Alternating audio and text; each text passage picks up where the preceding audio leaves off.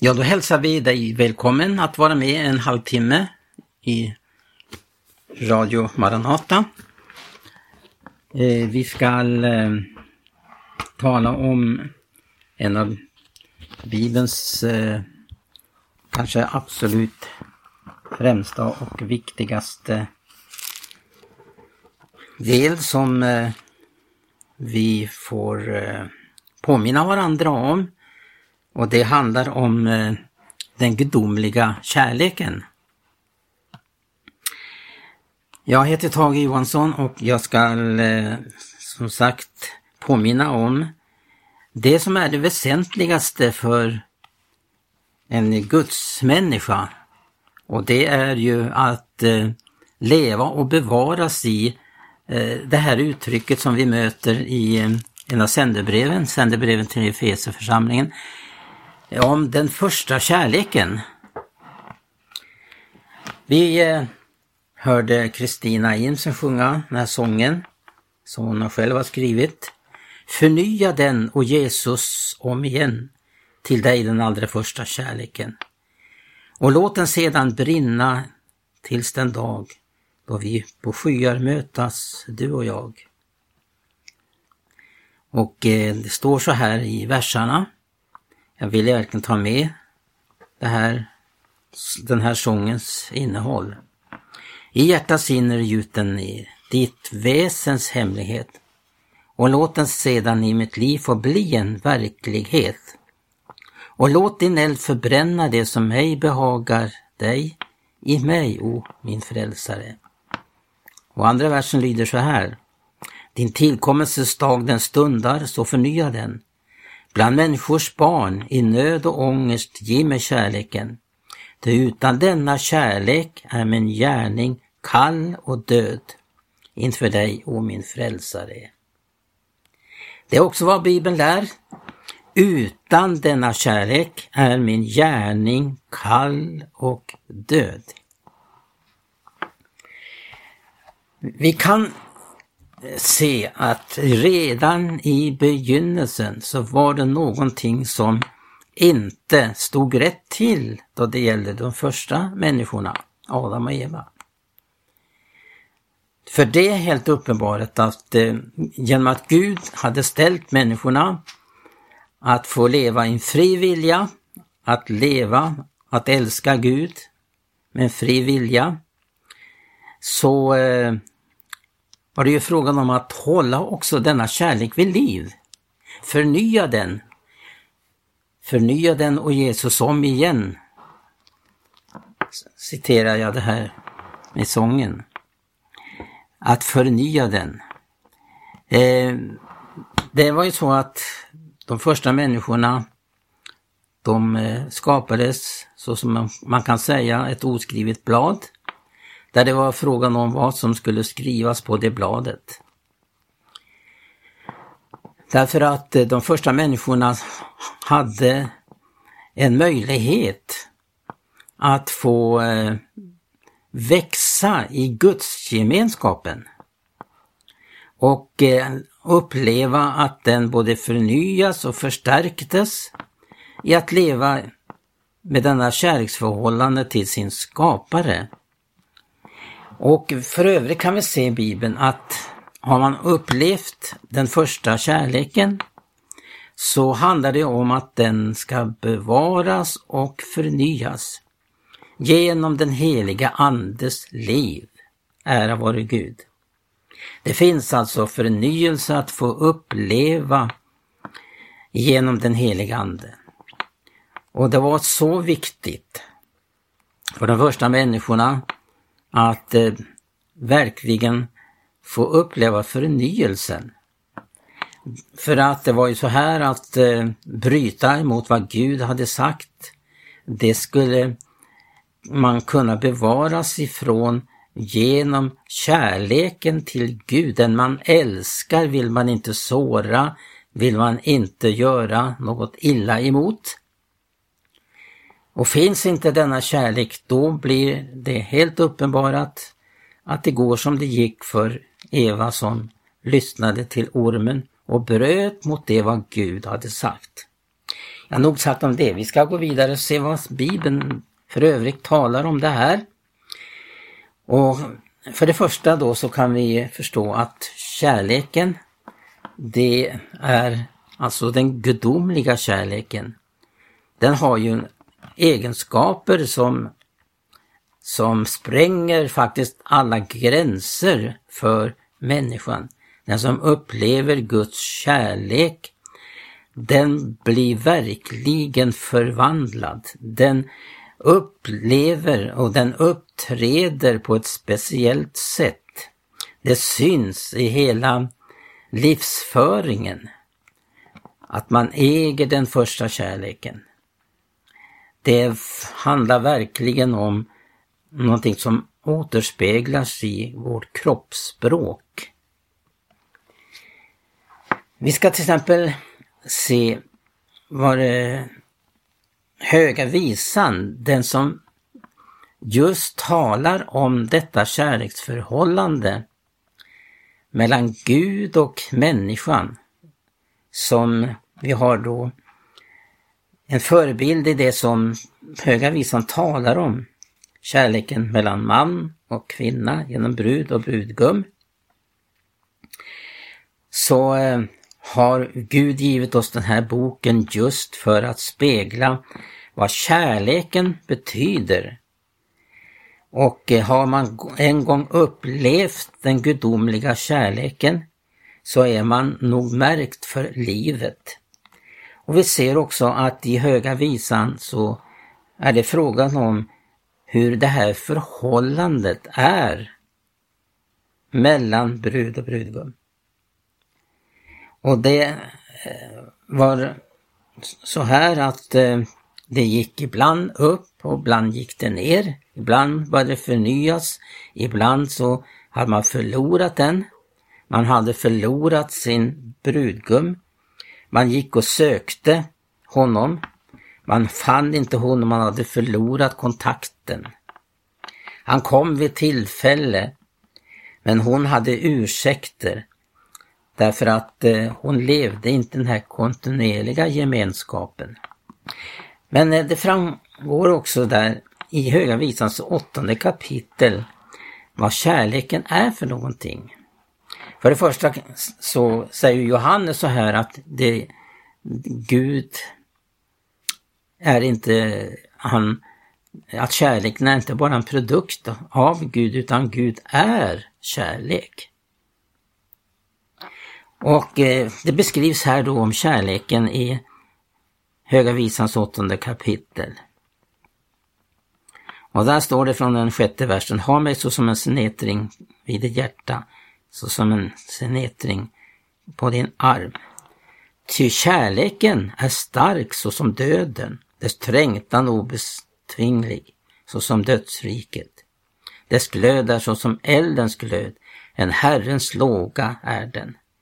Det största vatten förmår ej utsläcka kärleken. Strömmar kunna icke fördränka den. Om någon vill giva alla ägodelar i sitt hus för kärleken så skulle han ändå bliva försmådd. Och Paulus han också talar om detta i första Korinthierbrevet 13, det kapitel som kallas för kärlekens lov. Och han eh, beskriver kärleken så här, att den är tålig och mild, från vers 4. Ja, kärleken den avundas icke, kärleken förhäver sig icke, den uppblåses icke, den skickar sig icke ohövist, den söker icke sikt, den förtörnas icke, den hyser icke agg för en oförrätts skull. Den gläder sig icke över orättfärdigheten, men har sin glädje i sanningen. Den fördrager allting, den tror allting, den hoppas allting och den uthärdar allting. Det är oerhört att läsa detta, men också som är en verklighet för den som får uppleva den gudomliga kärleken.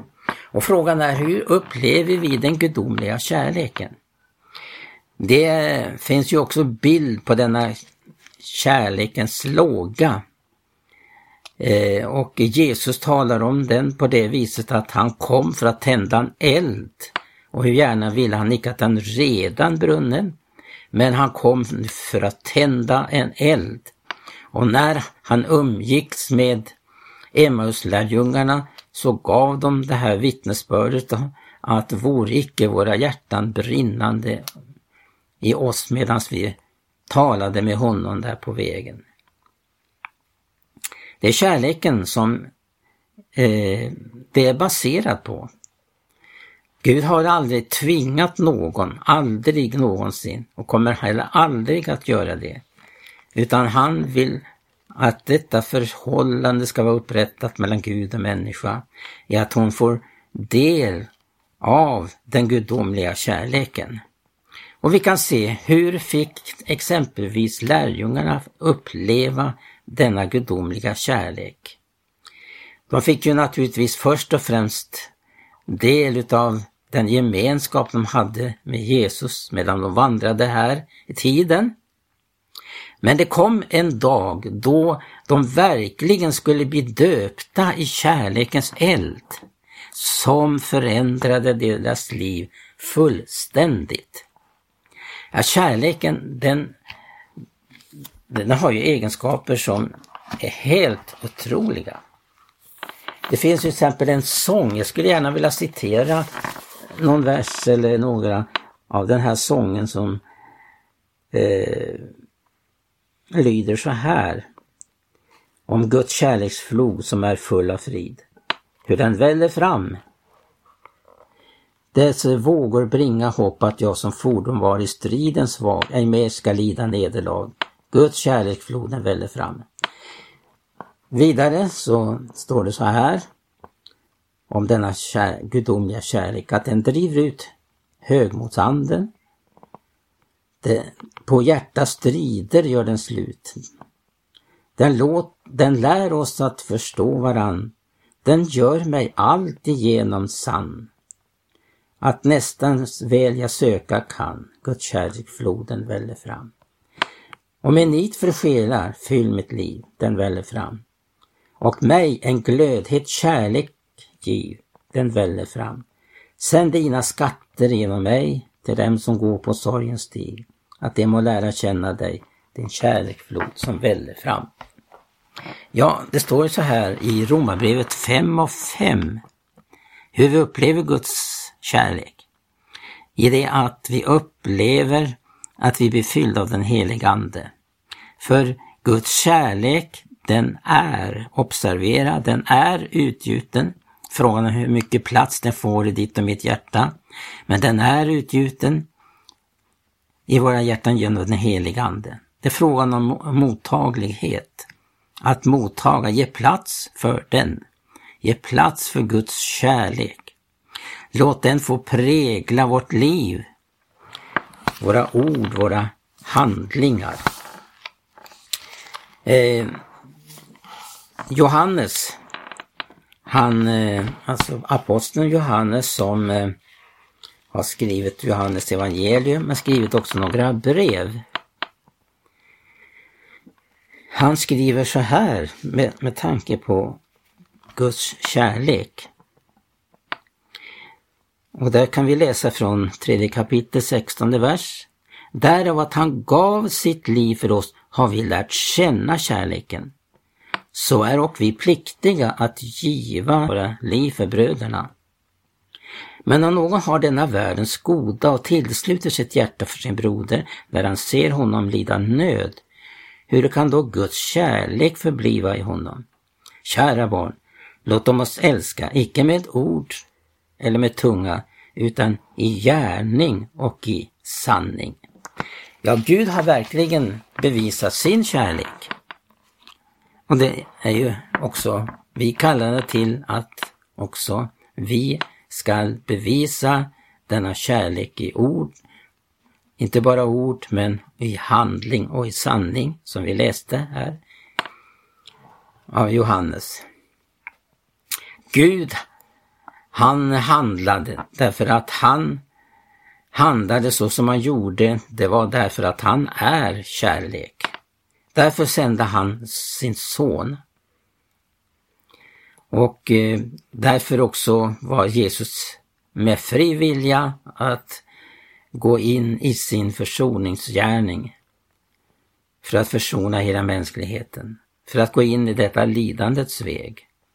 Gå ner, klyva ner ifrån himmelens härlighet, ifrån sin tron i himlen och gå ner så djupt att han föddes i fattigdom och enkelhet.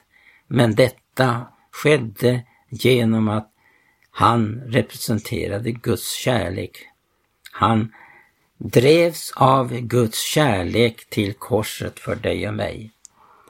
Han gav sitt liv av, helt av fri vilja, av kärlek. Gav han sitt liv. Det var kärleken som åstadkom detta. Och Gud förväntar sig också att vi ska få uppleva detsamma, att Guds kärlek driver oss till att göra det vi är kallade till att göra av fri vilja. Den gudomliga kärleken som en människa får uppleva, det handlar ju inte om en engångsupplevelse utan hon har fått någonting som hon ska vårda, ska vara rädd om, ska ge näring till. Så att det inte blir som någon berättade vid ett tillfälle, en förkunnare, om eh, två nygifta par som eh, hade upplevt den kärlek som Gud har lagt ner i äktenskapet. Det handlade om att den första tiden så stod hon och väntade vid dörren och eh, tog emot honom när han kom hem, mannen kom hem ifrån sitt arbete. Eh, välkomnade och eh, visade på ett dukat bord där han fick gå och sätta sig och äta. Och eh, hon var verkligen hängiven i denna gärning. Dagarna går och eh, det förändras mer och mer. Till sist så när han kommer hem hör han en röst ifrån ett rum i bostaden att eh, ja, det finns mat där borta vid spisen. Så förändras det. Ja, det där är ju det mänskliga planet då, men den gudomliga kärleken, den förändras aldrig. Och Gud vill att vi ska få, få eh, leva vårt liv i att vi har den som vår drivkraft i vårt liv. Tänk att man kan tänka sig hur det var eh, i den församling som fanns i Efesus. En så stor och framgångsrik församling som hade så mycket. Lyssna här vad det står i sändebrevet till denna församling. Hur han varit ståndaktig, burit mycket för hans namns skull. Hade inte förtröttats. Men jag har det emot dig att du har övergivit den första kärleken. Det fanns kärlek kvar men det var inte den första kärleken. Det finns ingenting som kan göra att vi handlar som vi gör annat i den första kärleken.